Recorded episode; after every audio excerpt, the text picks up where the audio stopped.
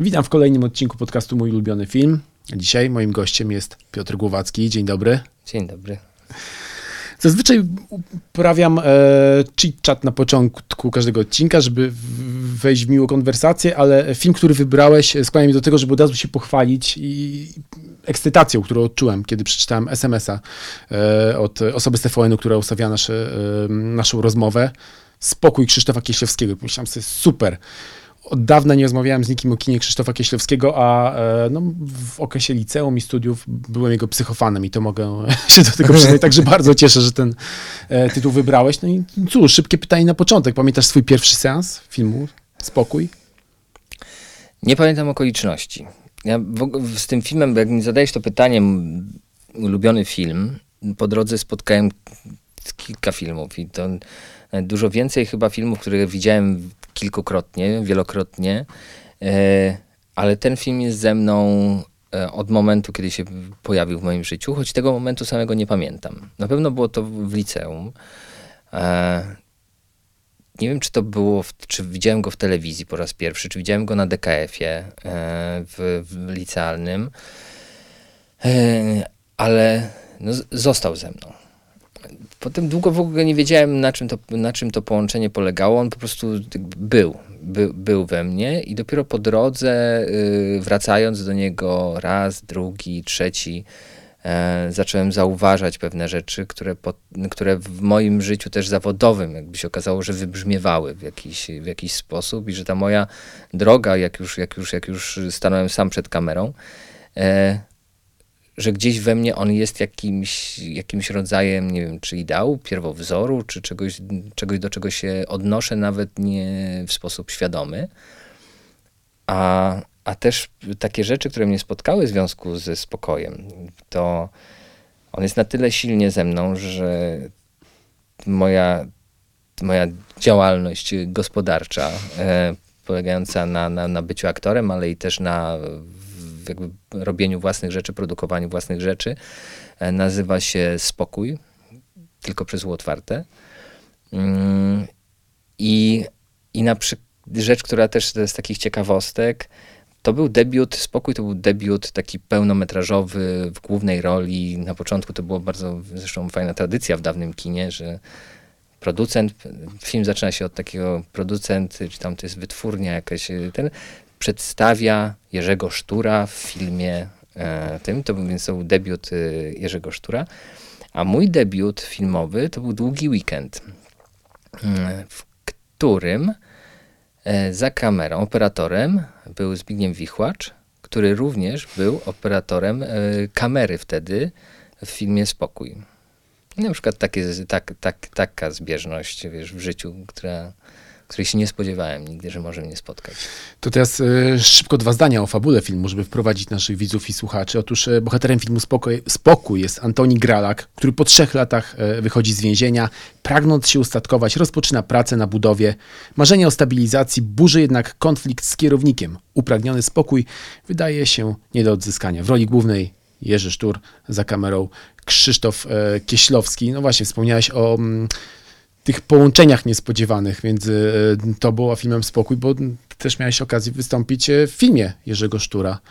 Obywatel. To było twoje pierwsze spotkanie ze Szturem jako dwóch artystów, czy wcześniej też mieliście okazję przeciąć się gdzieś? Wcześniej był e, rektorem szkoły teatralnej, krakowskiej szkoły teatralnej, do której, w której studiowałem. Był moim wykładowcą z przedmiotu praca z kamerą. I, i potem spotkaliśmy się właśnie przy, przy obywatelu. I w takim razie, e, no właśnie, jakie to poczucie, kiedy z dawnym wykładowcą zaczynamy pracować, on jest twoim reżyserem, e, no ale już jesteście partnerami, a nie relacja mistrz-uczeń. Podchodziłeś troszeczkę z, z jakimś takim przerażeniem mimo wszystko, wchodząc na ten plan zdjęciowy? Nie wiesz, to, to jest, ty, pan Jerzy jest, y, niesamowitym aktorem, to, to jest przede wszystkim. I jako reżyser e, te najprzyjemniejsze chwile też na planie, które, które miałem, to były te, kiedy tłumaczył mi coś i mówił kwestie, mówiąc kwestie z dialogu. Ja wiedziałem, że to powinno być tak powiedziane. No, że on robił to idealnie, więc to też było takie spotkanie polegające na, te, na podpatrywaniu, też nauce i zresztą tak staram się podchodzić do każdej, do każdej pracy. Mm. Ale przede wszystkim to jest spotkanie z kimś, kto tworzył moją e, wyobraźnię aktorską, nie wiedząc o tym. Filmy Kieślowskiego to jest nie tylko spokój, ale to też jest amator, e, Wodzirej e, Falka, który, czy Seksmisja Julka Machulskiego, z którym też się już w swoim życiu spotkałem. Wiesz, to jakby to wchodzenie do świata, który znasz z ekranu, a potem spotykanie się z tymi ludźmi i stajesz się częścią tego świata, no jest to bardzo takie, to przyjemne. To jest taka, wiesz, magiczna podróż y, od, od tego, kto patrzy na, na ekran, do tego, żeby tam, jak, jak, jak, ta, jak, jak Alicja, przejść przez, przez lustro i stanąć w tamtym świecie. No właśnie, kino Kieślowskiego w ogóle mam wrażenie, że to jest y, taka sztuka, która idealnie trafia do człowieka, kiedy jest w okresie takim licealnym, powiedzmy, studenckim. Na mnie na przykład to oddziaływała bardzo mocno. Ja pamiętam seanse filmów Kieślowskiego, jak na przykład Czerwony, kiedy nie mogłem spać przez północy. Po prostu siedziałem i analizowałem go. Pamiętam seans e, filmu Przypadek w kinie Luna z kopii, która mam wrażenie przypominała... E, użyję teraz dosyć brzydkiego określenia, jakąś taką szmatę wyjętą z wiadra z brudną wodą, kiedy cały czas się coś zacinało, dźwięk był do bani, a mimo to ten film we mnie straszliwie zostawiał, czy, został. I mam wrażenie, chciałem zapytać, czy z tobą było podobnie, czy, czy, czy też jakby ten okres e, licealno-studencki okazał się najbardziej chłonny do tego, żeby oglądać filmy Kieślowskiego. To, to, to, to jest tak, że wydaje mi się, że ten okres między tak 12 a 16 rokiem życia to jest ten okres, w którym świadom, już, już świadomie jesteśmy na granicy przejmowania całkowitej kontroli nad własnym życiem. I to jest ten moment, w którym się kształtujemy bardzo mocno. I w moje te lata to są 92, 98 powiedzmy czyli w nich jeszcze aktywnie, y, aktywnie działa Krzysztof Kieślowski, umiera w 1996 roku, czyli on nie jest y, tym Kieślowskim, y, które, tym Kieślowskim, który jest dzisiaj dla, dla ludzi mających 12, 18 czy 22 lata. Dla nich to jest zamierzchła przeszłość, to jest coś, co równie dobrze mogliby nie wiem, oglądać filmy Mieszka Pierwszego. To, to, wszystko, co jest przed twoimi narodzinami jest równie odległe. To, więc jeśli miałbym mówić, odnieść się do tego, co powiedziałeś, to wydaje mi się, że dla, może dla naszej generacji to rzeczywiście był, było istotne, dlatego że on był wtedy takim naj, najbardziej na topie znanym, aktywnym e, twórcą, polskim twórcą filmowym na światowym poziomie, wtedy uznawanym. Jego trylogia właśnie e, Czerwony, Biały, Niebieski, ona... Mm, wtedy wszyscy tym żyli. To, to, to, to wiesz, no, Dwie nominacje do Oscara dla Czerwonego. Tak. E, konkurs główny na festiwalu w Cannes. Pamiętna przegrana z filmem Pulp Fiction Quentina Tarantino. No, wtedy deszcz krytyki spadł e, na Clint Eastwooda, bo to on był chyba szefem jury w 94 roku. No, tego nie pamiętam, ale rzeczywiście, no, ale wykazał się, Clint Eastwood w pewnym sensie wykazał się a, jakąś taką wizjonerską, wizjonerskim podejściem i jakąś tak, tak artystyczną młodością, znaczy wigorem artystycznym, który, który daje o sobie znać do dzisiaj, tak? że on jest rzeczywiście, kocha film, zna się na filmie i jest cały czas aktywny i cały czas, wiesz, jest w, kon, w kontakcie z widzami młodszymi od siebie już w tej chwili o 70-80 lat, więc potrafi, potrafi to robić i on tworzył wtedy nową erę kina. Tak naprawdę ta decyzja przyzna- uznania e, Pulp Fiction za, za jednak dzieło sztuki filmowej spowodowała olbrzymią zmianę albo zaakceptowała, że ta zmiana się dzieje. Mm, a Krzysztof Kieślowski wtedy już był autorem, który, który te przełomy miał za sobą. To był jego, jego szczyt możliwości, to znaczy szczyt też jakby wypracowania języka, wszystkiego, ale to już był szczyt, to już było, to już było coś, do czego on doszedł i to było zamknie, zamknięcie pewnej ery, że on te dwa filmy rzeczywiście chyba, można powiedzieć, że tam zderzając się, pokaz, pokazały, że, że kończy się era kina mm, Krzysztofa Kieślowskiego, czy kina moralnego niepokoju w Polsce nazywanego, czy tego kina społecznego, a zaczyna się era y, kina postmodernistycznego. No to piękny konkurs. A jakbyś miał wybrać, wczesny czy późny Kieślowski? Bo wydaje mi się, że jest taki moment w jego karierze, kiedy te filmy mm, stają się mniej realistyczne, a bardziej uciekają w stronę metafizyki. To jest tak mniej więcej okres e, gdzieś dekalogu chyba, nie? No tak, no, Kiedy- pa- pamiętam te gorące dyskusje. To jest niesamowite, że można było tak gorąco naprawdę rozmawiać o kinie i to i to, gorące dyskusje na temat tego, jak płytki jest, jak płytka jest metafizyka Kieślowskiego. Znaczy, że, że pamiętam wtedy te oskarżenia, że jest to y, jednak y, płynięcie Kieślowszczyzna, tak, zostało takie, takie tak, płynięcie po powierzchni, że one są tak naprawdę e, w, jakby w, nie do końca tak głębokie, jak jakby się wydawały, albo jakby on chciał, żeby były. Pamiętam to, te dyskusje. No ale podwójne życie Weroniki, te, te, te dylematy, którymi on się zajmował, takie czysto właśnie ludzkie, które przy zachowaniu całego anturażu życia społecznego, tego realizmu, on jednak zajmował się po prostu fenomenem y, bycia człowiekiem. To jest y, życia ludzkiego i to, co się może nam przytrafić, takich zagadek jak przypadek. Pytanie, takie proste pytania, on stawiał proste pytanie, co, mm, jak, mogą, jak mogły pójść moje losy mojego życia, gdybym spóźnił się na pociąg albo nim pojechał. No? I on robi z tego kino i, i przez to jest bardzo blisko każdego człowieka, że on, mógł, on przekraczał granice takich podziałów intelektualnych czy wrażliwości, bo to są dylematy, które do, dotyczą y, każdy, każdej, każdego z nas. Egzystencjalne bardzo, Tak, uniwersalne. ten gdzieś, dlatego spokój, on, on znaczy, wiesz, no, w gruncie rzeczy mój wybór odpowiada na twoje pytanie. Bo spokój e, To jest jest, ten- to jest jego tak naprawdę chyba pierwszy e, pełny metraż.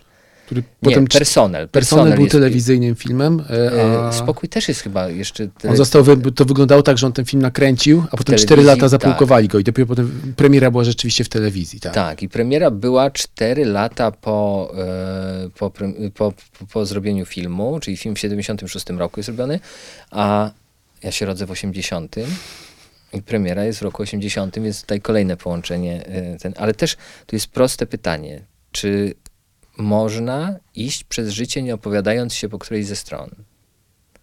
Proste, a jednocześnie bardzo trudne. I w filmach Kieślowskiego zazwyczaj bohaterowie, którzy próbują być neutralni, no, przegrywają na różnych płaszczyznach życia. W ogóle on był takim pesymistą, jeżeli chodzi o spojrzenie na los człowieczy w ogóle i egzystencję. Czy, co, no może teraz powiem coś, wydaje mi się, że nie można być pesymistą i robić kina. Okej? że to jest niemożliwe. No Nie, sa- samo przejście od pomysłu na film do jego zrealizacji no, wymaga od ciebie olbrzymiej, olbrzymiej dozy wiary, nadziei i, i, i miłości. I, i wiesz, i takich, takich, takich cech, no, które składają się jednak na optymizm, znaczy na to, że wierzysz, że uda ci się chociażby zebrać tych ludzi, którzy mają to zrobić, a potem zgrać ich i stworzyć to, to, to, to, dzieło. To jest, no, więc ja nie, wierzę, że można być y, złym i robić dobre filmy, nie wierzę, że można być pesymistą i robić dobre filmy, że to się nie da. To jest też ciekawe, a propos optymizmu i pesymizmu, jak czytam wywiady z tobą, to z nich wyłania się portret osoby bardzo optymistycznej, która nawet w sytuacjach em, czasem nieciekawych, jak na przykład pandemia koronawirusa, która wciąż trwa, stara się wynajdywać jasne strony i działać, nawet jeżeli e, los ogranicza nam e, zasięg działania. A film, który wybrałeś, optymistyczny jednak nie jest. Co, nie, e, mm, nie jest film, tak, e, spoiler. Będzie spoiler z filmu Spokój. Nie wiemy, jaki jest, y, co się dzieje po filmie. Po ostatnim ujęciu. Kiedy główny bohater leży. Jakby jest pomiędzy zapłakany. tymi, p- w tych, w tych kleszczach i Kieślowski zostawia go w momencie, w którym jednak mm, za chwilę urodzi się jego dziecko. Znaczy on to, co, to, to, to, o czym marzy, zobaczymy i jednak mówi, odwołuje się do tego, że przypom- czy przypomina sobie spokój, spokój, spokój. I to ujęcie koni, które Tak. biegną wolne. Więc, więc wiesz, no, no, ja, ja, ja nie odczytuję tego. Tam jest to, jak, jak oglądałem sobie ostatnio ten, ten, ten, ten, ten, ten film, a, a ostatnio to było dzisiaj w nocy, żeby nie być e, tutaj, Szanuję to bardzo mocno. żeby nie, nie, wiesz, no, no, nie polegać tylko i wyłącznie na jakichś urywkach w pamięci, czy tych scenach, które najbardziej kocham, ale być na bieżąco z tym, e, z tym, z tym filmem, na nowo go obejrzeć. I dziękuję ci bardzo za tę możliwość, bo była to e, piękna projekcja. Taka samotna, w, nocna projekcja y, w, przy komputerze. On nadal działa. Że ten film nadal na mnie działa, że nad, miałem tak, takie, wywołuje we mnie drżenie, to takie e, metafizyczne drżenie przy całym swoim e, realizmie i e, Zresztą pomyślałem, patrząc na to już teraz już też jeszcze z taką swoją wiedzą realizacyjną, z tym wiesz, doświadczeniem filmowym i oglądając ten film, myślałem, że to niesamowite, że on robił coś, co wygląda bardzo podobnie do dogmy, ciężkim sprzętem filmowym na taśmie. E, przy, a tam masz mnóstwo scen takich dokumentalnych wręcz takich scen podpatrzonych, takich, takich rzeczy, wiesz, no, strasznie trudnych do zrobienia filmowo. Wiesz, pociąg, wyskakiwanie z jednej strony, przebieganie, to, to jest, y, jak sobie nagle wyobrazisz, że tam stoi ten właśnie Zbigniew Wichłacz z tą kamerą, Jacek Petrycki mówi, dalej, dalej, dalej biegnij, ten, ten Kieślowski, który nie ma podglądu. On nie widzi, co jest w kamerze. Dopiero dostanie w momencie, kiedy zacznie wywoływać taśmę. Tak, Efekt. wiesz, dostanie na, z, za chwilę, wtedy chyba był taki zwyczaj, że zaraz po, po zrobieniu zdjęć one szły do laboratorium i tam dzień czy dwa później było przeglądanie materiału, czy to się udało, czy się nie udało. Nie? To tym bardziej trzeba by było mieć wtedy zaufanie do operatora, że to jest facet, który udźwignie tę wielką, ciężką kamerę i dostarczy ci dokładnie takie ujęcie. Tak, i zobaczy to, co chciał. ty chciałeś widzieć w tym, nie? To jest... No w ogóle operatorzy z filmów Kieślowskiego to, to byli wybitni twórcy, którzy Tak. potem robili karierę, no nie wiem, e, oczywiście autor zdjęć do krótkiego filmu o zabijaniu, czyli Sławomir Idziak. Nominacja do Oscara Tak. później za Helikopter w ogniu, między innymi. jest to jest chyba z, właśnie z Idziakiem jest takie zdjęcie, nie? Z, w Kieślowski, to jest... Czyli to jest pod, pod, razem robili podwójne życie Weroniki? Nie wiem. I teraz mnie zażyłeś. Ja też nie wiem, ale... Dobra, sprawdzimy. wiesz, że jest, e, jest takie zdjęcie, na którym właśnie jest, a, widzę autobus. Chciałem tylko powiedzieć jeszcze naszych widzów, że za to uwielbiam podcasty, że można, mogą się wydarzyć rzeczy ciekawe. Na przykład sprawdzić. Tak. Wiesz, że jestem, e, ja jestem fanem e, sprawdzania na bieżąco, bo to mi daje, e, e, byłem świadkiem wielokrotnie na przykład kłótni takich imieninowych, czy jakichś między e, pokoleniem rodziców, którzy się spierali o to, ile Tak. wysokości ma jakaś góra. Dzisiaj po prostu wyciągasz komórkę i wiesz, nie Podwójne ma życie kłótni. Weroniki Sławomir Idziak. Zgadza się. Tak, jest takie właśnie zdjęcie, Mhm. mm, gdzie jest e, autobus. Do, przy autobusie jest kamera, biegnie, biegnie Idziak z kamerą, tak mi się wydaje, a za nim biegnie, e, za nim biegnie Krzysztof Kieślowski, n- nie mając właśnie podglądu. Już szukam, to jest bardzo, a bo to jest, tak, to jest to słynne, jak autobus odjeżdża i ona robi zdjęcie Mhm. a oni to kręcą. Czekaj, gdzieś to. A, zaraz to z, ten, bo to, jest, to może być fajne. Albo, albo, albo Państwo sobie w tej chwili możecie tam pogooglować i sprawdzić. E, e, Wrzucę to zdjęcie do o, artykułu na przykład, jak znajdę. o, super. E, więc e, tak, więc, e, więc wiesz, że to zaufanie, to zgranie, to, to było zupełnie, zupełnie coś innego niż teraz, kiedy masz operatora i reżysera siedzących gdzieś w kanciapce czy w namiocie przy, przy ekranie i, e, i widzących na bieżąco i mogących powtórzyć ujęcie 16 razy, bo cyfra przyjmie wszystko, e, więc nie kończy się. A wtedy mając, nie wiem, zapas dwukrotny tylko, czyli dwa razy więcej y, materia- taśmy na, na, niż mające trwać ujęcie, trzeba było strzelić to prostu, nie? Powiedziały, rozmawialiśmy o połączeniu e, artystycznym reżysera i operatora, ale w przypadku Spokoju to było również połączenie między aktorem a reżyserem, bo Jerzy Sztur był również współautorem dialogów. E, e, Przy Amatorze chyba też oni bardzo, tak. bardzo no, mocno razem pracowali nad scenariuszem. Zresztą to się okazuje po latach, że to, że to, to nie chodzi o inspirację czy coś, ale ja, ja, ja też e, bardzo często w, na planie z, z reżyserką, z reżyserem po prostu pracuję z dialogiem. Ja bardzo lubię też pracę z dialogiem, w sensie takim dopracowywanie dialogu. I, no więc gdyby dzisiaj była taka tradycja zapisywania e, autentycznej współpracy przy dialogach, to pewnie też moje nazwisko gdzieś tam by się, e, by się pojawiło przy tym. E, bo dialog jest, e, no, jest niesamowicie istotny dla aktora. No i tutaj to czuć w tym filmie. Jest taka słynna scena, kiedy e, główny bohater, czyli Antoni, e, idzie na raut, tak to nazwijmy, i zaczyna opowiadać o swoich marzeniach, które są bardzo proste. Poczekaj, mam tutaj krótki cytat. Robotę mam, spaść, spać, jeść. Dobrze mam, co? Teraz popatrz. Kobieta, dzieci, własny kąt, obiad zawsze w domu. No, oglądasz to i masz wrażenie, że, że, że ta sytuacja jest na wyciągnięcie ręki poziom prawdy, e, jaką osiągają tutaj e, Sztur i Kieślowski, no jest jakiś niesamowity. W- Tutaj ta, ta sytuacja aktorska, to, co robi Jerzy Sztur w tym filmie jest e, rzeczywiście dla mnie też, a propos tego, Jerzy Sztur jest genialnym aktorem. Odnajduje się we wszystkich konwencjach i przez, przez te lata robiąc różne rzeczy. W tym filmie dla mnie ma rodzaj obecności, który jest dla mnie jakimś takim mentalnym wzorem. To znaczy coś, co jest jednocześnie, możemy powiedzieć, że jest bardzo jasne formalnie. Możesz to określić, możesz, możesz zobaczyć, w jakim, w jakim, nazwać, op- opisywać to z zewnątrz, jakich narzędzi mógł użyć, że to jest bardzo, może, z jednej jest przewidywalne, a z drugiej ma w sobie właśnie tę energię performance'u że on jest, y, to co się dzieje na planie jest rodzajem performance'u, do którego jest przyłożona dokumentalna kamera. I on jednocześnie prowadzi to bardzo świadomie i jednocześnie jest całkowicie spont- wrażenie spontaniczności i takiego strumienia, strumienia życia, które, e, które widać, ono wybija z tego, e, z, z ekranu.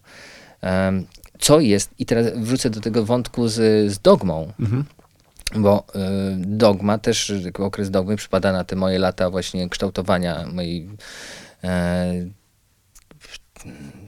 wrażliwości, Wrażliwości filmowej. twór. Tak. E, i, I one są zbieżne. Mm, Te, te, te, te- filmy, ten y, właśnie spokój Kieślowskiego i potem ta dogma, tylko dogma, która jest robiona lekką ręką, która też nigdy nie była przecież doskonała. Nawet sam drugim takim filmem, bo jak mówiliśmy, ulubiony film, to drugim takim filmem, który mnie bardzo mocno dotknął, dotknął był Idioci.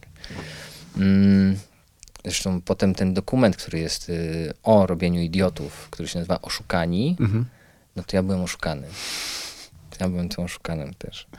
Że mnie bardzo oszukał. Ja strasznie w niego uwierzyłem, ale w tych dwóch, w tych, w tych, tych dwóch nurtach, y, no też Spokój jest uważany za film, który był początkiem y, Kina moralnego niepokoju. że od, od tego się kino moralnego niepokoju zaczęło.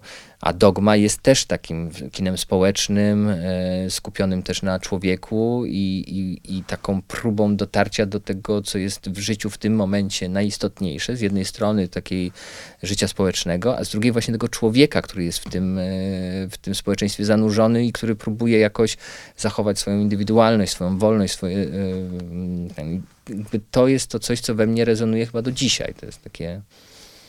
Dogma ma też e, swego rodzaju polski pierwiastek, ponieważ e, mistrzem Tomasa Winterberga i Larsa von Trier'a był e, Wojciech Marczewski, który uczył obu panów reżyserów i to on przekonywał ich właśnie, żeby kręcić takie filmy, żeby kręcić filmy małe, blisko bohaterów, no i wzięli sobie jego nauki do serca i tak powstała Dogma, także cieszmy się, że No tak, a on wyszedł znowu spod, z, tak. jego wrażliwość kształtowała się właśnie w kinie moralnego niepokoju. nie? Tak, wszystko się zgadza.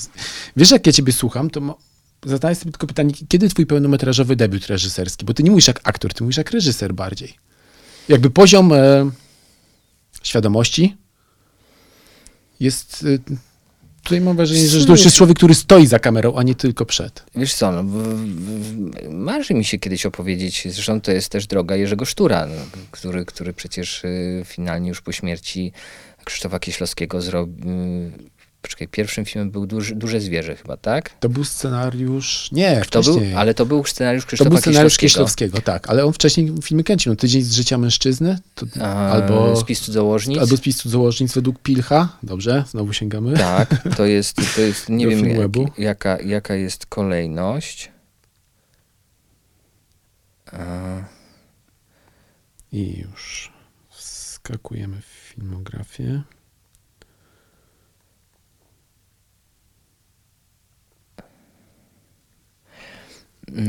W każdym razie no, zrobił, zrobił film e, według scenariusza Kieślowskiego już Tak, po jego śmierci jako, jako, jako, jako Spis cudzołożnic. Spis cudzołożnic Mhm. był pierwszy i ten, jako reżyser, tak? Więc y, w Stanach Zjednoczonych też masz y, taką tradycję. Sam Clint Eastwood jest aktorem, który stanął za kamerą. Nie? W, jeżeli, jeżeli, wydaje mi się, że to jest tak, że jeżeli kochasz ten, kochasz zawód aktora y, filmowego, mm, z zawodem aktora teatralnego też tak miałem, że, że w którymś momencie dojrzałem, to było 10, y, już o, 8 lat temu, dojrzałem do tego, żeby zrobić y, swój spektakl i mam na koncie jedną reżyserię w, w Dobre Wiadomości w Wałbrzychu, gdzie, gdzie, mogłem, gdzie mogłem, wiesz, spróbować właśnie to, czego się nauczyłem od środka, spróbować przekazać innym i jakby spróbować opowiedzieć swoją, swoją historię.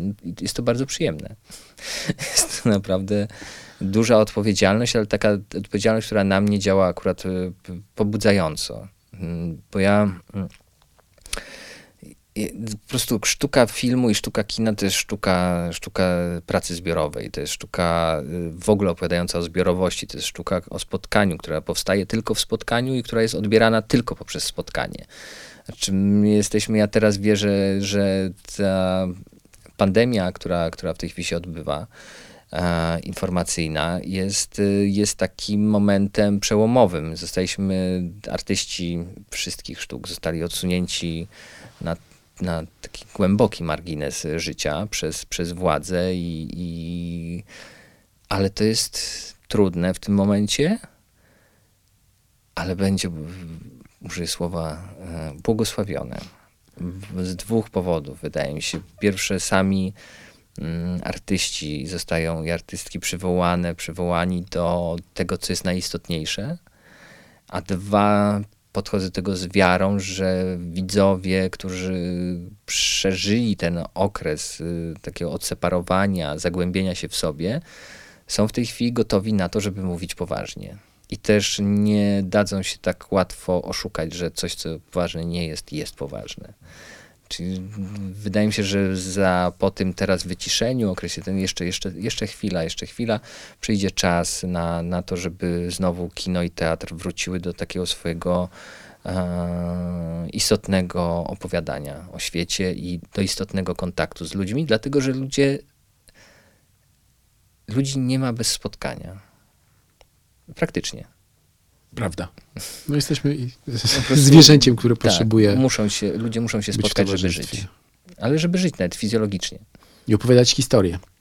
Jesteśmy Tak. takimi zwierzętami, które są uzależnione chyba od Doszliśmy do, tego, co doszliśmy do tego po, po, po poziomu też jakby rozwoju świadomości, dzięki temu, że wychodzimy, właśnie wyobrażamy sobie, że tworzymy fantazję, że y, istnieją dla nas rzeczy nie tylko te realne, ale też istnieją dla nas rzeczy wyobrażone, że w opowieściach, w symbolach, w metaforach y, porozumiewamy się i potworzyły nam się połączenia w mózgu, które pozwoliły nam e, zrobić ten krok, krok naprzód w świadomości, w rozwoju świadomości.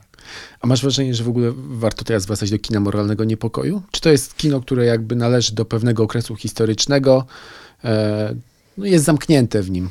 Czy jakby mimo wszystko ono jest ciągle aktualne i dylematy bohaterów kina moralnego niepokoju można przełożyć na współczesność? Co, na, na różny sposób. Y, Oglądając y, te, teraz ponownie Spokój, pomyślałem sobie, że on jest, y, ten film na przykład jest niesamowitym źródłem wiedzy e, dla zrozumienia pokolenia naszych rodziców. Znaczy, że nagle patrzysz na ten film, mówisz, to oni żyli w takim świecie. Mm? Że oni żyli, stawali w takich dylematach. Te dylematy są podobne, ale w anturaż, to jak, jak wyglądało ich życie, jak, jak, jak, jak, jak ten, to też jest taka, no, tam jest mnóstwo informacji, które mogą nam pozwolić złapać kontakt e, z wrażliwością dzisiejszych 60-70-latków. Mm, żeby zobaczyć, kim oni są. Kim byli, kiedy byli w naszym wieku. Mm, bo to, jest, bo to jest kino moralnego niepokoju. To było kino młodych ludzi. To było kino ludzi, którzy tak, zbuntowanych, którzy próbują po prostu rozsadzić, sfotografować e, rzeczywistość, powiedzieć hej, hej, jest, jest, coś jest nie tak. Em, Że ten świat organizowany przez ich rodziców, czyli pokolenie wojenne jeszcze, ludzi, którzy byli już dorośli w czasie wojny, no, że ten świat on już się kończy, że trzeba coś z nim zmienić, że muszą przejąć władzę nad tym światem, że chcą. No i stąd kina moralnego niepokoju równolegle, to też nie jedno, może niekoniecznie, że z kina, ale, ale gdzieś też odważani ludzie tym kina moralnego niepokoju, stawianiem sobie tych dylematów, e, wzajemnie się rzeczywistość i kino moralnego niepokoju żywiły i doprowadziły do wybuchu y, Solidarności, czyli tego ruchu, pokoleniowego ruchu młodych ludzi, e, których mamy dylematy przedsolidarnościowe sfotografowane właśnie w tym, w tym kinie. Jesteś wykładowcą Akademii Teatralnej w Warszawie. Jak patrzysz na swoich studentów, właśnie a propos pokoleń i różnic między nimi, jakie widzisz różnice między swoim pokoleniem, kiedy ty studiowałeś, a twoimi adeptami? Mm, wiesz co, mm, ja jestem rocznik 80. Mm, mm, Czyli jeszcze liznąłeś trochę PRL-u tak. i pamiętasz. Pamiętam, dzieciństwo moje to jest, to, to jest PRL, e, ale też ten główny taki, taki moment, w którym zaczynam być osobny, czyli mam w 89 roku mam 9 lat, następuje okres przemian, który się zbiega z moimi przemianami wewnętrznymi jako, jako mł- młodego człowieka, który dąży do o, o, osobności. E, I myśmy byli wychowywani wtedy w tym duchu tych przemian ma, mających, y, znaczy przebiegających. E, najpierw e, dobre wy, wy, wykształcenie, e, zabezpieczenie swojego życia, dom, mieszkanie, e, potem dopiero rodzina, e, dzieci.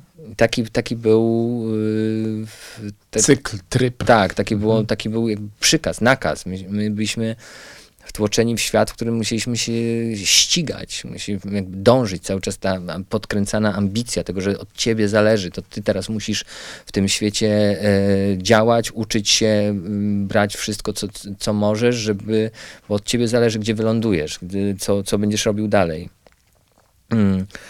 Dziś ludzie młodsi ode mnie o 20 lat, mm, mm, którzy się rodzą, rodzili w roku e, 2000, e, w, tak naprawdę pierwsze ich wspomnienia e, to są wspomnienia dzieci, które już są w Unii Europejskiej. Tak, 2004 rok, no to. Dla, Czyli inny zupełnie dla świat. mnie Unia Europejska to było spełnienie marzeń. Znaczy, projekt Unii Europejskiej, e, ja, ja dlatego jestem proeuropejski, dla- ja po prostu em, bardzo chciałbym e, e, spotkać e, osoby, które są antyeuropejskie, po to, żeby pomóc im zrozumieć, że jest to ważny projekt i niespotykany, i rzadki, i niesamowity. Bo to był projekt naszego pokolenia.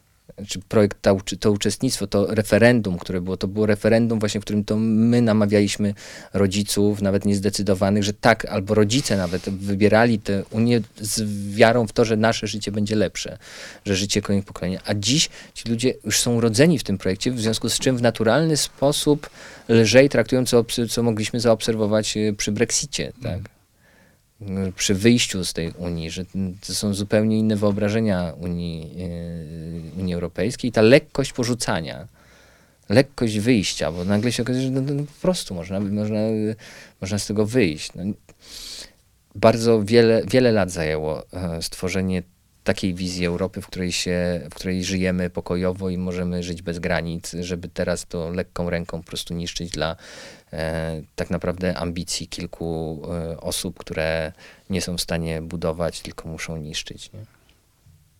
Tak sobie myślę, że może powinno pojawić się nowe polskie kino moralnego niepokoju. Myślisz, że przyjdzie taka fala? Bo wspominałeś o tym, że po pandemii em, będzie nowa fala filmów, które będą bliżej człowieka. Po pandemii myślę, że będą jakby dwa kierunki, że pierwszy, pierwszy kierunek to będzie kierunek e, taki, który bym porównał do tego, co moja babcia mówiła o, e, o chwili zakończenia, o, o końcu wojny. Że to było tak, że jak tylko przeszedł front, to ludzie wyciągali, ona, ona to mówiła o tym, bo ona mieszkała na wsi, wyciągało się deski, rzucało w byle sadzie, bo przyszła wiosna, przychodziło dwóch ludzi z instrumentami i była zabawa. Znaczy, że po takim, po momencie ciężkim, smutnym, jakimś doświadczenia przychodzi Rozprzężenie. pragnie, tak, pra, jest pragnienie lekkości, czyli to będzie jedna fala produkcji, które będą po prostu, ludzie będą złaknieni takiego czegoś lekkiego, rozrywkowego, niezobowiązującego, po prostu, które pozwoli ci odetchnąć, ale z drugiej strony to kino, które będzie poważne, ono będzie musiało być naprawdę poważne, bo ludzie się nie dadzą oszukać po doświadczeniu e, tego. I to jest ta nadzieja moja w, w tym kinie, kinie poważnym, które zacznie zadawać pytania, których wiesz, politycy nie chcą zadawać, których politycy unikają, których ten, od tego jest sztuka. I myślę, że to będzie e, piękny okres, najbliższe lata, kiedy, kiedy sztuka wróci do, mm, do takiej trójcy, ja to tak, sobie, wyob- tak, tak to sobie nazywam, że mamy, mamy naukę, e, filozofię, religię, psychologię, jak to nazwijmy taką, taką, taką, taką myśl o człowieku i mamy sztukę. To są trzy dziedziny, które tworzą nasze zastanowienie nad światem, które, przez które zadajemy pytania.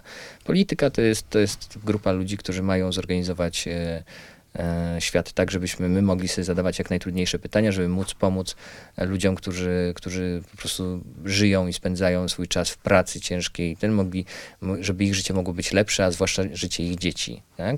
Oni są tylko organizatorami, a przez wiele ostatnich lat e, zaczęli kraść e, słowa tak istotne dla naszego e, dla nas, e, czyli na przykład teatr, teatr polityczny, aktorzy sceny politycznej, teatr medialny. mm, Zaczęli wy, wypychać, wiesz, no, popularność, większa popularność y, telewizji informacyjnych niż, te, te, niż TVP Kultura, tak? Wypychanie, że informacje stały się tym show.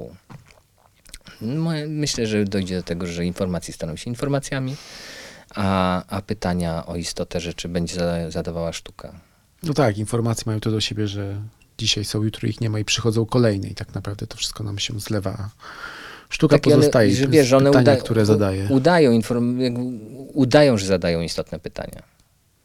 Tak naprawdę, wiesz, żyjąc, żywiąc się tylko naszymi instynktami strachu.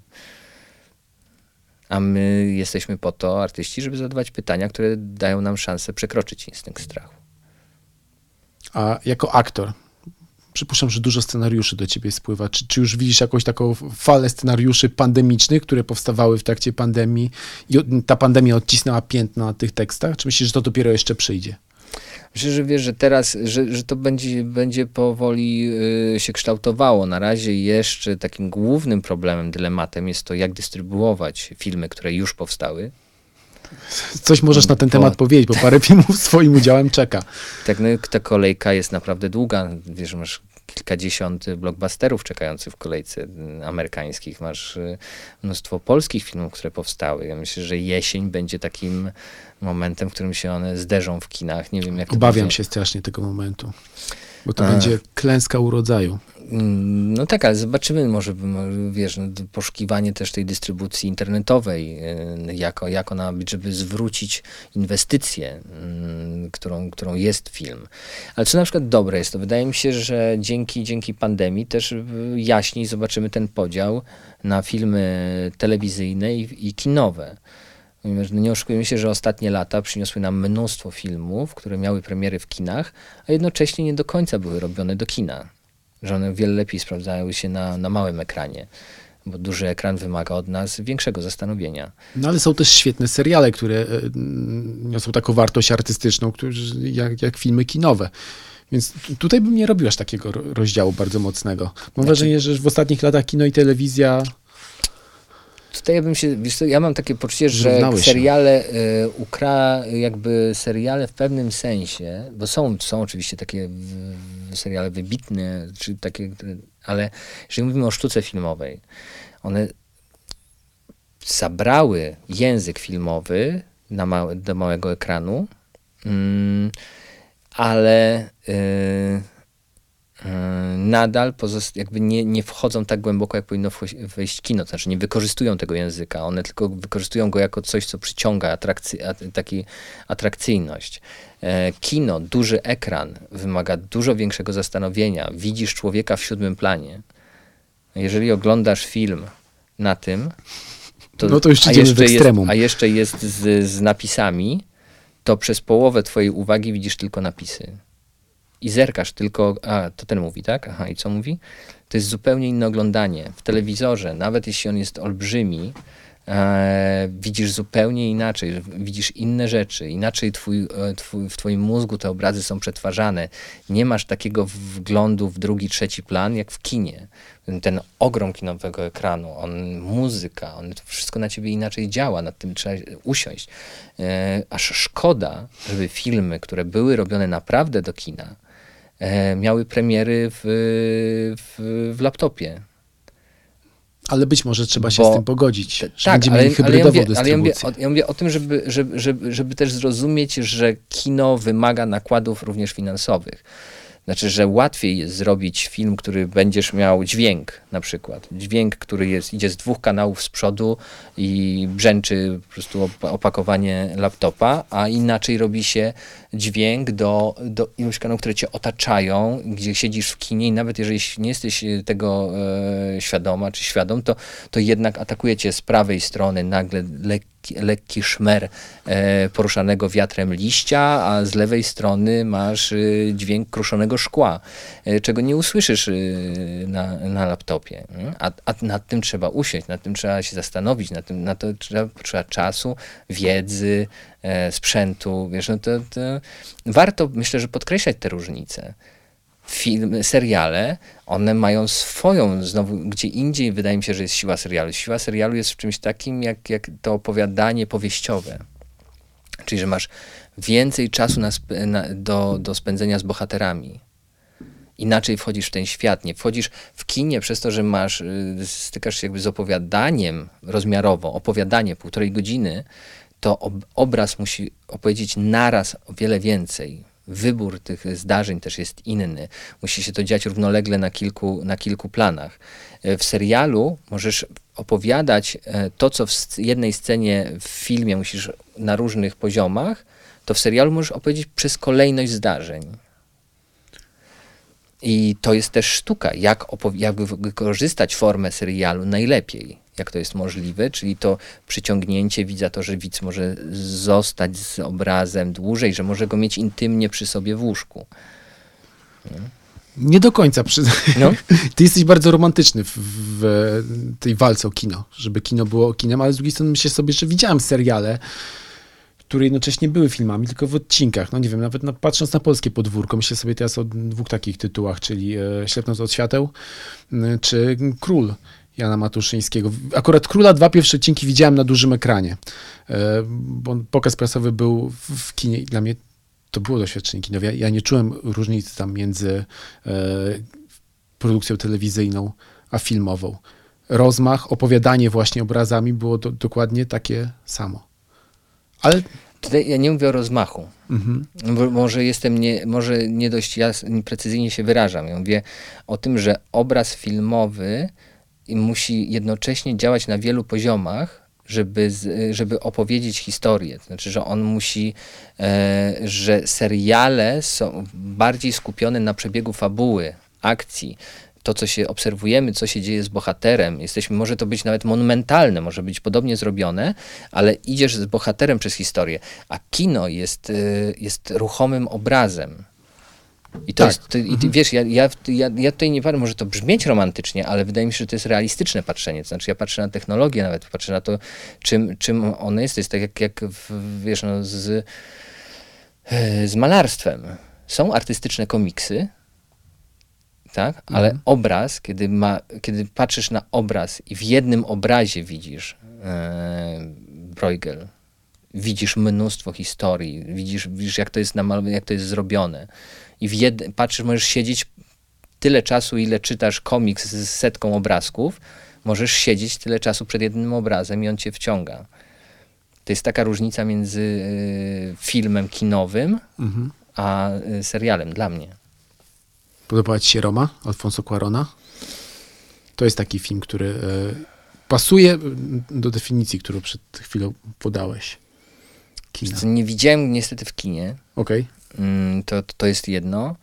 Dwa i y, miałem wrażenie, że on że film jakby chciałby taki być. Jak ja mówię. Mhm. A nie do końca jest. Aczkolwiek jest bardzo interesujący, mm, przemyślany i, i ten. Myślę, że moglibyśmy tutaj toczyć dyskusję jak, jak o tym, czy Kieślowski jest płytki, czy głęboki. Akurat uważam, że jest głęboki, ale wolę wcześniejszego. Moim ulubionym jego filmem jest akurat Amator. To, to kurczę, dreszcze mam zawsze, jak go oglądam. A tymczasem chciałem wrócić do swoich czasów studenckich, które zostały tylko delikatnie napoczęte yy, i wspomnienie Jerzego Sztura, który był e, rektorem. Mieszkałeś w akademiku? E, Wiesz co, nigdy. Pomieszkiwałem tylko na waleta u kolegów e, podczas albo wizyt takich, gdzie jechałem do kogoś do akademika, na tydzień na przykład. E, albo kiedy studiowałem jeszcze w Toruniu, a mieszkałem w Toruniu, to, to miałem takich przyjaciół, którzy mieszkali w akademiku i tam, tam też potrafiłem spędzić kilka dni.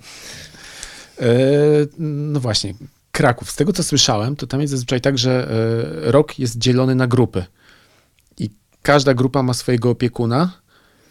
I często bywa tak, że w związku z jakby z oddzielną filozofią artystyczną tegoż opiekuna, to tak naprawdę te zajęcia przebiegają zupełnie inaczej i nagle się okazuje, że jedna grupa pracuje nad czymś innym, ma, in, ma inną filozofię tworzenia, filozofię artystyczną od e, drugiej. Tutaj myślę, konkretny przykład. Dawid Ogrodnik, Piotr Stramowski byli w grupie, którą prowadził Roman Garncarczyk. Tak? Tak, i to była taka grupa bardzo natchniona, która aktorstwo traktowała po prostu jako swego rodzaju służbę. E, I była druga grupa Jana Peszka, która była taka bardziej konkretna. I ciekawi mnie, jak to w twoim wypadku wyglądało. Zresztą to jest zasada w ogóle w szkołach, e, w szkołach artystycznych. Zależy na który rok trafisz. e, To już jest. No, nie jest tak, że wszyscy przechodzą dokładnie tym, tym samym torem, że na pierwszym roku zawsze trafisz do tego. A, a, więc ja miałem tak, że w Warszawie byłem na roku e, profesora Jana Englerta. W, w Krakowie w Krakowie e, moim opiekunem był Jacek Romanowski, e, ale najdłużej zajęcia miałem z, właśnie z Jackiem i miałem z Jerzym Trelą, który zresztą w spokoju gra, e, gra kierownika i jest to też jego, to też jest, nie, jeżeli, jeżeli popatrzysz na, na, na, na, na, na rolę e, Jurka Treli, to, to, to ta w spokoju, ona ma jakiś taki... ym, ukazuje jego na jakiś jakby tak, taki rodzaj wi- wigoru życiowego, czy aktorskiego wigoru, które, który, który, który mam wrażenie, że wcześniej czy później nie, nie, jakby rzadko się udaje w, w, wyłapać, że on jest też tam przyłapany w takim, w takim e, bo Jerzy Trela jest niesamowitym aktorem, to jest niesamowity też człowiek. Ja mając z nim zajęcia przez rok mogłem doświadczać obecności z nim, bo on uczy przez y, obecność, przez sposób, jaki jest, e, przez taki spokój, w jaki mówi o rzeczach, jak nazywa, jak e, jego poczucie humoru, jego, ale to, że to się odbywa bez, wiesz, no bez, ja, ja nie pamiętam, oczywiście były roczniki, które mówiły, że on potrafił być też i, i bardzo głośny i rzutki i ten, ale ja, ja trafiłem na niego akurat w takim okresie, kiedy on był bardzo w takim spokojny sposób opowiadający o rzeczach, które się dzieją, które, które w ak- myśl o aktorstwie też o głębi, o tym, że masz myśleć, aktor myśli, aktor mówi, mm, jak najmniej. A zarazem intensywnie i mocno. Znaczy, to, mm, więc w Krakowie to, to, to te spotkania. Jacek Romanowski, który jest y, krakowskim mistrzem y, w, te, w teatrze y, ról drugoplanowych, czy, e, ale osobą, która jest podszyta pod takim pozornym spokojem, podszyta y, rodzajem takiego aktorskiego diabła. Mm, Ja miałem przyjemność grać z Jackiem w, jako jego student, bo to też tak było w Teatrze Starym, graliśmy, robiliśmy sen nocy letniej z Mają Kleczeską i, e, i Jacek, graliśmy razem sceny rzemieślników ja, ja po prostu pamiętam, jak on gra Księżyc. Jak śpiewa La Luna, La Luna.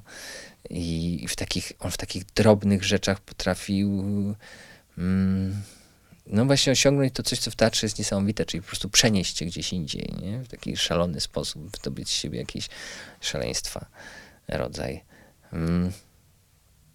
To tak, to, to, to w Krakowie to, to rzeczywiście oni byli tymi, tymi z którymi głównie y, wiąże tamtą edukację. A jak wyglądało twoje życie towarzyskie w Krakowie? Bo utarło, utarła się taka opinia, że studenci aktorstwa najwięcej imprezują z wszelakich zawodów jakby związanych ze, ze, ze światem kina. Wiesz, no, to jest to nasz obowiązek. No, to, to, to, to jest część tradycji teatralnej. To mm, jesteśmy mistrzami spotkań, więc musimy je trenować na, na, na różne sposoby. To, e, zwłaszcza też, że jeszcze ten okres studencki jest takim okresem, w którym nie jesteś jeszcze tak zapędzony, związany tymi, tym jesteś jeszcze, jeszcze cały czas możesz być w teatrze, w, w teatrze życia, więc, więc, więc on najbardziej odpowiada temu, co, czym teatr był kiedyś, tym wozem podróżnym, którym po prostu jedziesz, jedziesz przez, przez, przez świat i dajesz ludziom radość, jednocześnie wiedząc, że jak umrzesz, to pochowają cię za granicą cmentarza. No. E, przez twoją dziwność. Mm. Jak z Bergmana i z Pieczęci. Tak, Bergman w ogóle jest taki jeden film jego, to jest film telewizyjny Bergmana, nie pamiętam tytułu, ale opowiada historię kinematografu, to są lata 30. Jest y, projekt objazdowe kino. I to jest na przełomie kina niemego i kina dźwiękowego, że jeszcze nie było nagrywanego dźwięku, ale nieme filmy jeździły z ekipą aktorów, które stały y, za, aktorzy stali za ekranem i odgrywali y, pod- dubbingo, jakby na żywo tak. dubbingowali y, obraz. I oni dojeżdżają gdzieś na jakąś północ Szwecji, gdzieś jest śnieżyca, która e, w, odcina prąd w miejscowości. I przez śniegi gdzieś tam przyszło chyba piątka czy szóstka widzów. Ci widzowie przychodzą, no ale tutaj się okazuje, że świeczki, że nie ma, jak, y, nie ma, nie ma kina, nie będzie kina, no, no ale to tak już wszyscy tak jesteśmy odcięci, no i są ci aktorzy, którzy ten, no to może nam ten film. I oni zaczynają grać ten film odgrywać go, e, wiesz, piękny film. I to jest, to jest ten Bergman na przykład, który najbardziej ze wszystkich jego filmów, to jest ten, który mnie uderza. Jest w nim też jakiś rodzaj właśnie takiego realizmu i takiego mi, mi, mistycyzmu, y, mistycznego realizmu. Tak. A ty masz wrażenie, że, że aktorstwo jest posłannictwem czy zawodem? Chciałbyś umrzeć na scenie, czy raczej w, w ciepłym łóżku? Chciałbyś umrzeć tutaj? E, tutaj nie, myślę, że otoczony bliskimi osobami jednak. Ale na przykład są to takie postaci, e, no, które chciałyby umrzeć na scenie. No, zresztą niektórym się to zresztą udało. Twórca roli pana Wołodyjowskiego na czele, No Tadeusz Łomnicki. No to chyba jest, to, to, to, to jest właśnie taki mm, wzór aktora, który rzeczywiście jakby życie sprzęża ze sztuką i, i nie potrafi sobie wyobrazić innego życia. Ale są też tacy, którzy po prostu traktują to jako swój zawód, e, odgrywają scenę, grają w filmie, teatrze, wracają do domu i oddzielają te, te dwie sfery życia od siebie. Czy ja, ja, ja jestem szczęśliwy, że moje, moja pasja, mój świat wyobraźni, aktywności takiej naturalnej y, stał się moim zawodem. I jest tak, że moje całe, moje całe życie jest, jest tym narzędziem, którym opowiadam historię. Znaczy czerpię z życia. Więc ja tego rozdziału. ja go, ja go mogę robić sobie formalnie dla, dla, dla takiej zabawy, że od tej godziny do tej jestem, jestem w teatrze i lubię to robić. Tak? Że próba czy zajęcia zaczynają się w tym punkcie, kończą się w tym punkcie. To jest mój czas na aktywny, po to, żeby móc, e, żeby wyznaczyć te granice, w której ja aktywnie się zajmuję tym, ale jednocześnie to nie oznacza, że ja kiedy wychodzę, schodzę ze sceny, przestaję o tym myśleć. Tak? Że ja, ja, ja nadal o tym myślę, po to, żeby wrócić na scenę i coś zrobić, ale śmierć na scenie czy przed ekranem, że przed kamerą, Wiesz co, no nie, nie, nie jest moim marzeniem. to, to, by oznaczało, że film, w którym zagram, e, nie będzie skończony na przykład, albo że go nie obejrzę. E, a lubię.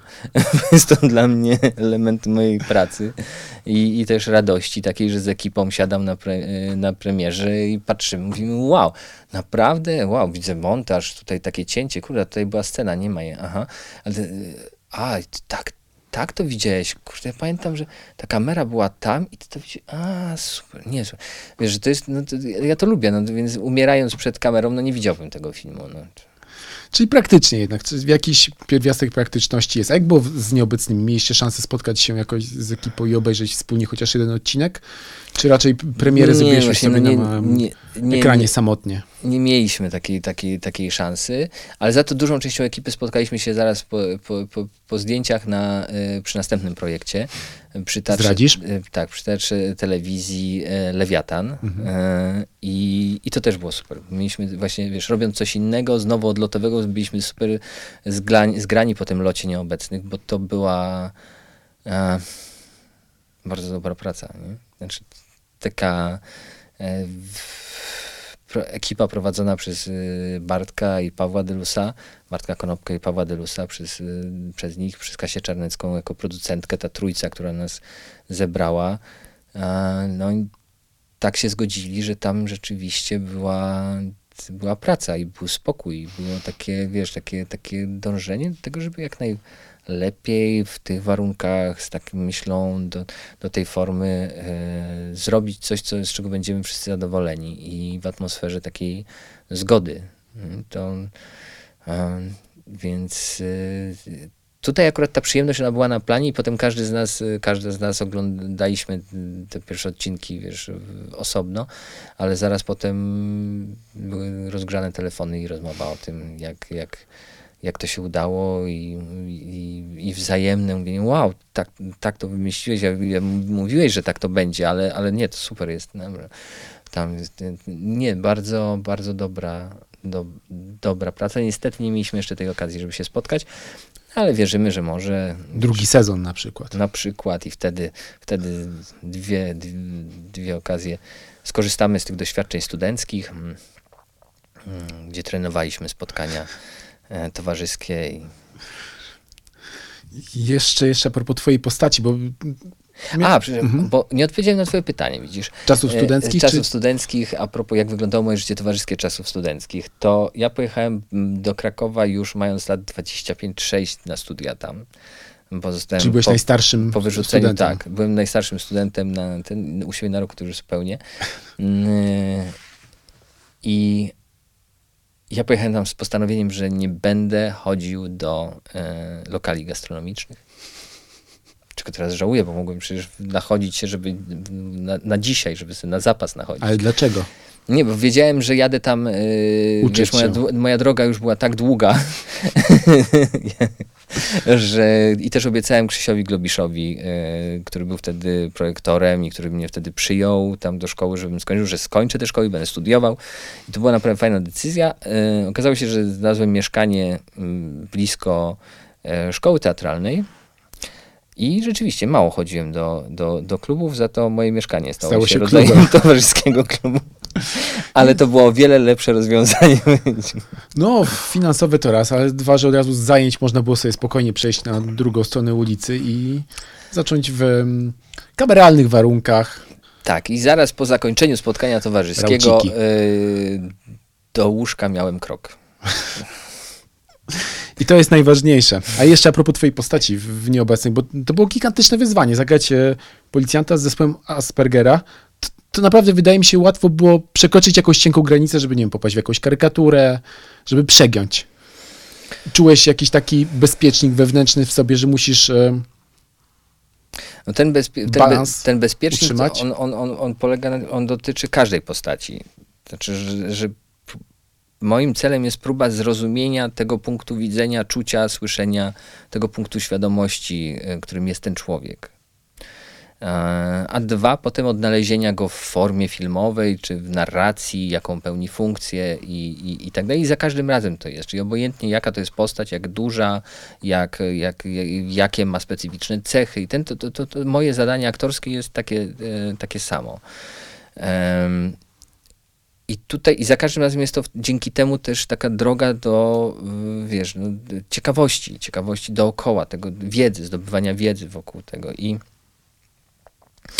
i tutaj, e, korzystając właśnie z pomocy grupy internetowej dorośli z zespołem Aspergera, ja mogłem, mogłem wejść w ten, w, ten, w, ten, w ten świat bardzo daleko, mogłem zadać każde pytanie, uzyskać spektrum odpowiedzi. A, a propos właśnie tego, to, to wiesz, to, to, to jakby ta droga też polega na tym, ja cały czas jestem w kontakcie z, z tą grupą, bo teraz, teraz jest ten moment, w którym dzięki temu, że udało nam się zrobić coś, co ciekawi dużo osób, że widzowie już chyba można powiedzieć, że w jakimś sensie zaangażowali się w, w, nasz serial. Jest to duża grupa i, i to też powoduje, że jest dużo osób, które chcą dopytać, rozmawiać, tak my dziś rozmawiamy. Mm, to jest też ten etap opowiadania o, o tym. I bardzo mi zależy na tym, żeby nie zmarnować tej szansy, na to, żeby, nie gadał jakiś głupot. I, mm, i żeby to, co mówię, było pomocne y, osobom w spektrum. I na przykład taka rzecz, która też mnie zaskoczyła, to na, na, nazywanie Mm, a co zakończyło, ale też jest dla mnie istotne jako, jako człowieka, który pracuje ze słowem, e, że e, jest na tyle niedawno e, od, od, odkryte zjawisko, że istnieją już w tej chwili jakby trzy różne sposoby nazywania tego opowiada, opowieści o tym w świecie naukowym, nawet jak, jak, jak ten. Mamy nazwę zespół Aspergera, która już i które, która jest zarejestrowana jeszcze w niektórych tam statystyk, w tabelach chorób jako choroba, mamy, ale już mamy nowsze tabele, w których jest to istnieje, już nie istnieje określenie zespołu Aspergera, że skojarzenia są tam też takie no, niezbyt fajne, bo to jest okres to jest, II wojny światowej, kiedy były te badania, sam Asperger, osoba trochę nie do końca jednoznaczna, e, więc jest ten, i, ale też już jakby inne pojmowanie tego jako zaburzenia rozwojowego bycia w spektrum autyzmu. I to jest w tej chwili najbardziej obowiązujące określenie dla, dla, dla, tego, e, dla tego zjawiska. E, ale już w tej chwili znowu jeszcze dalej idące badania mówią, i to jest dla mnie niesamowite, jako dla aktora też, bo one w końcu, jakby ktoś mi to, bo to całkiem niedawno o tym się dowiedziałem, mm, rozpoznawanie tego już nie jako zaburzenia, ale jako e, równoległego e, wzorca rozwojowego. Czyli, że jest to, to bycie w spektrum jest równoległym wzorcem rozwojowym nie jest ani chorobą, ani zaburzeniem, jakby, mówię tutaj w cudzysłowie, niepełnosprawnością, y, czymś, jest po prostu równoległym wzorcem, alternatywnym wzorcem rozwojowym. E, I, to bardzo, jakby, jak to usłyszałem, to, to tak, dokładnie, dokładnie to przeżyłem pracując z Filipem. Dla mnie on, on nie ma problemu z, ze sobą, z jakąś chorobą, z czymś.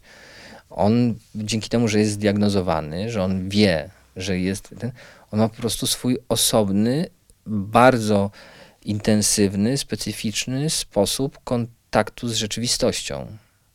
A problemy, które go spotykają, to są problemy osób neurotypowych, które nie są w stanie zaakceptować tego, że e, każdy człowiek jest inny.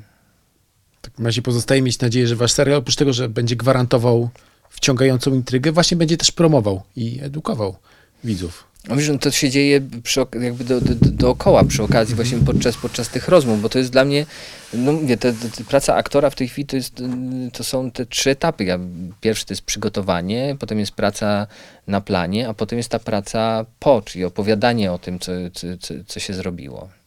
I się okazuje, że ta przygoda mi się nie kończy, bo ja się dowiaduję e, cały czas nowych, nowych rzeczy i, i za to kocham ten zawód. A czym dla ciebie jest spokój?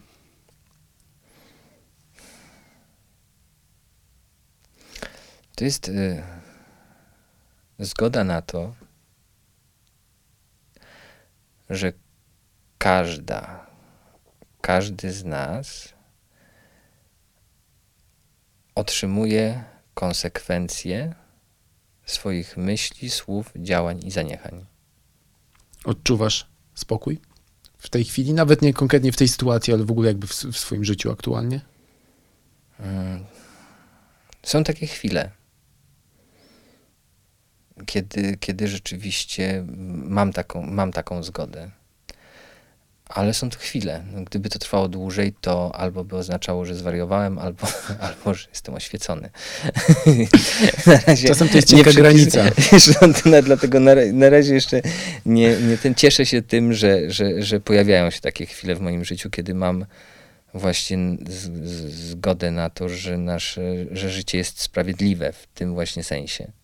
W takim razie e, życzę Tobie, no i chyba nam wszystkim, żebyśmy odczuwali jak najwięcej tych chwil spokoju. Piotr Głowacki, gościem podcastu Mój Ulubiony Film. Bardzo dziękuję. Dziękuję bardzo.